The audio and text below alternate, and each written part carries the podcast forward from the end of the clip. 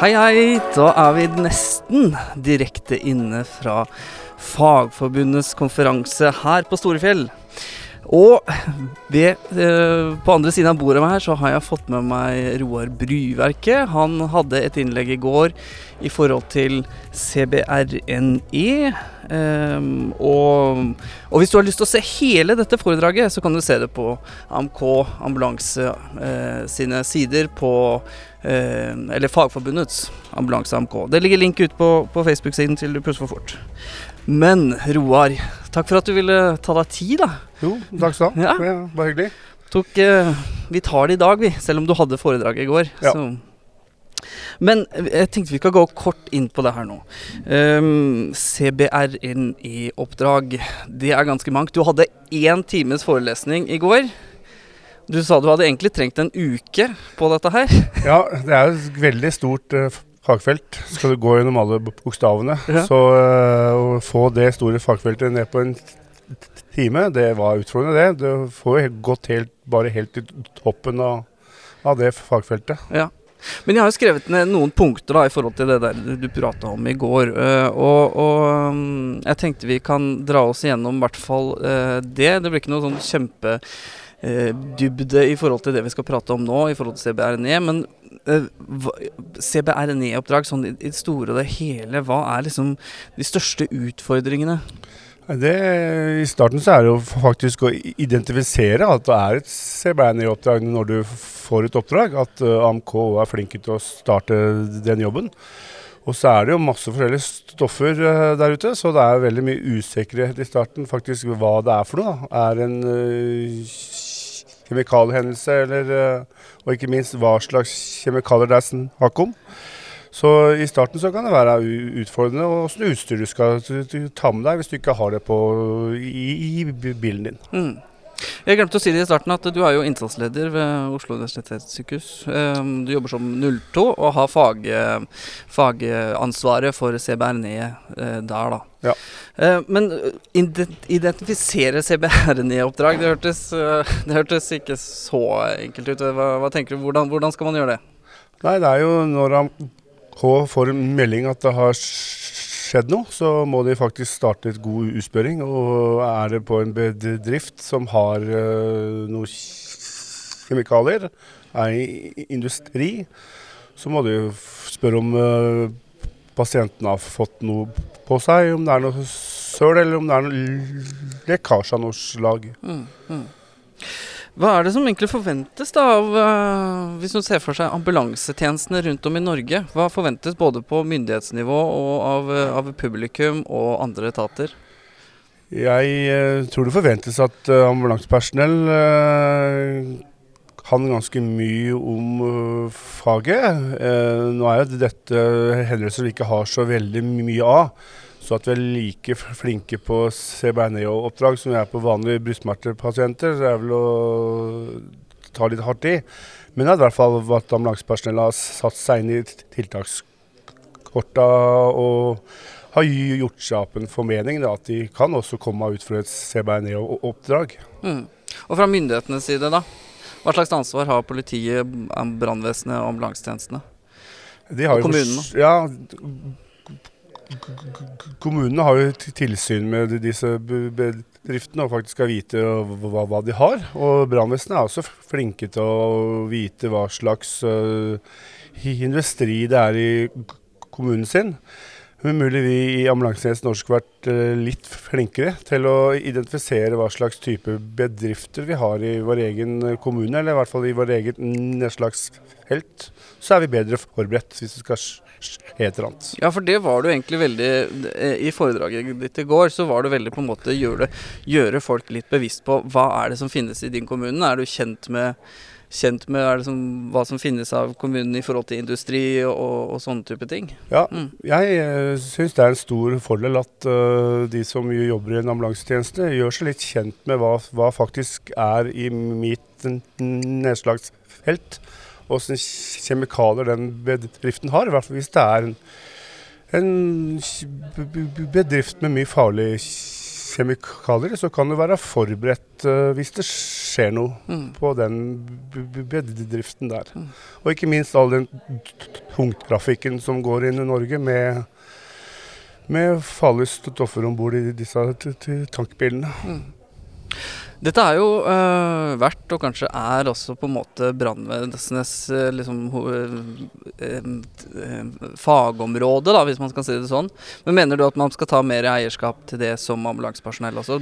Bygge, bygge kompetanse på det? Ja, det er eh, stort sett brannvesen som, eh, som er eh, det mest fagkompetente rundt et CBN-oppdrag, Men jeg syns ambulansetjenesten må ta litt tak i de pasientene de, får.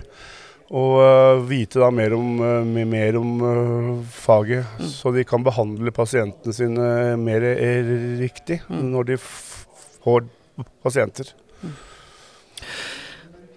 Og um, hvordan er det du tenker at øh, ambulansepersonell skal, øh, skal um, forberede seg på type CBR-en i uh, oppdrag? Nå har vi jo blitt uh, veldig flinke i pandemien til å bruke vanlig smittevernutstyr. Det har vi jo blitt skikkelig superflinke til. Men uh, vi har jo også utstyr som vi kanskje ikke er så flinke til å bruke, som vi må faktisk eh, trene mer på. Og få det inn i opplæring, at vi skal trene mer på det de vernedraktene som øh, vi har fått utlevert. At vi er oppe og går på det også. Mm. Er det et krav til at ambulansetjenester skal ha disse vernedraktene, eller er det noe som på en måte er satt ut i Det er vel gi- gitt ut av CBNE-senteret. Så er, har vært alle sykehusene og hver ambulansetjeneste fått uh, et x antall drakter.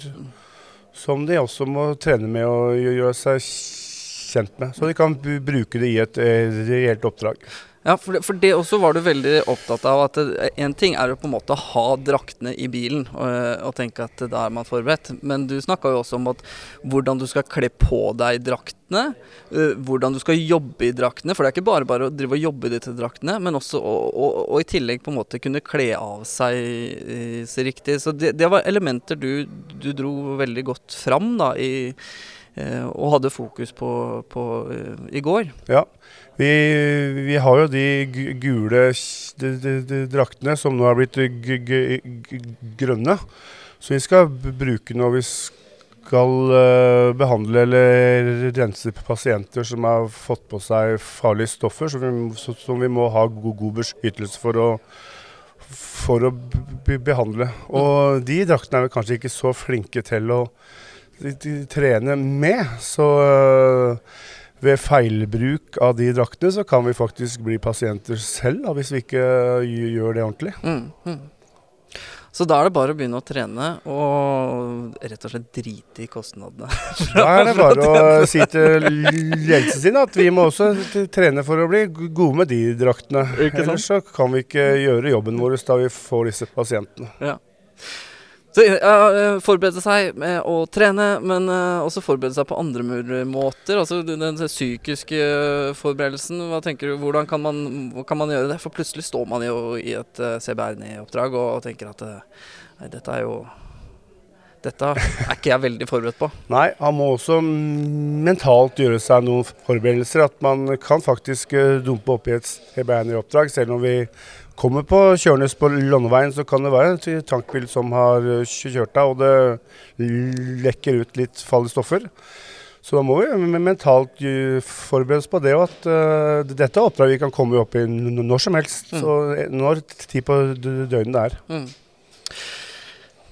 Ehm, innsatsledelse, innsatsledelse ved CBRNE-oppdrag, det er jo altså det, det kan være veldig stort, veldig uoversiktlig, eh, vanskelig å kanskje ta tak i det. Hva, hva tenker du, hvordan, hva er det som er utfordringen i forhold til innsatsledelse på disse typer oppdragene?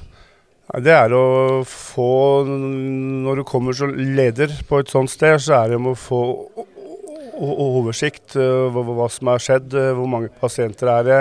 Tenke litt på eh, vinnerretning.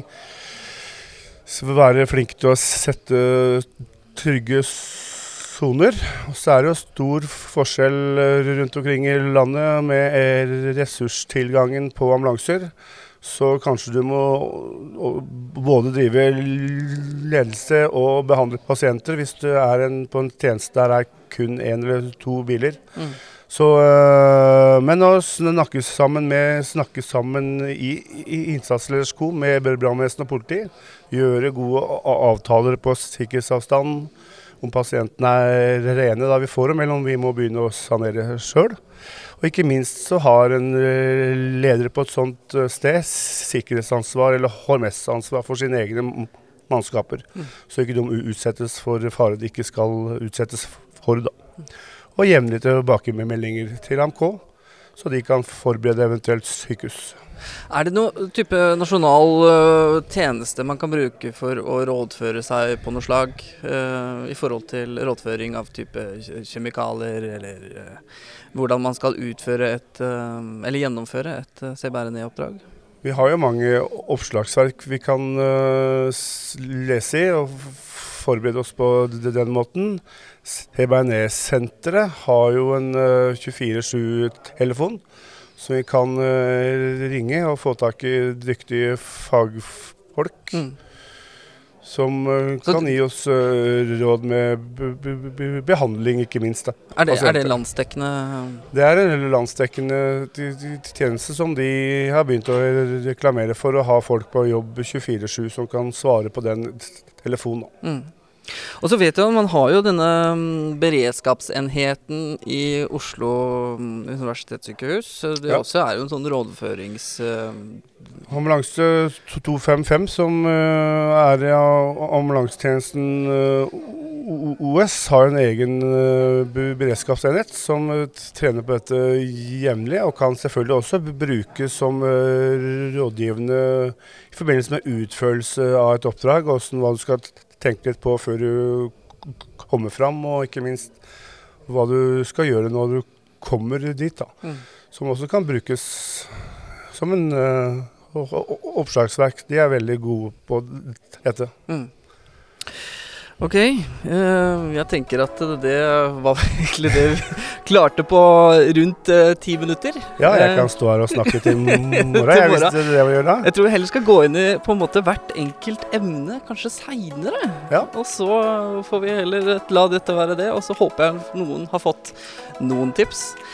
Eh, hvis du har lyst til å se foredraget til Roar, så kan du gå inn på Fagforbundet Ambulanse AMK og så se hele foredraget der. Men så tenker jeg at vi sier hjertelig takk for at du kom hit til standen min, Roar. Og så Roar Blyverke, innsatsleder ved Oslo universitetssykehus, direkte fra Fagforbundets konferanse på Storfjell.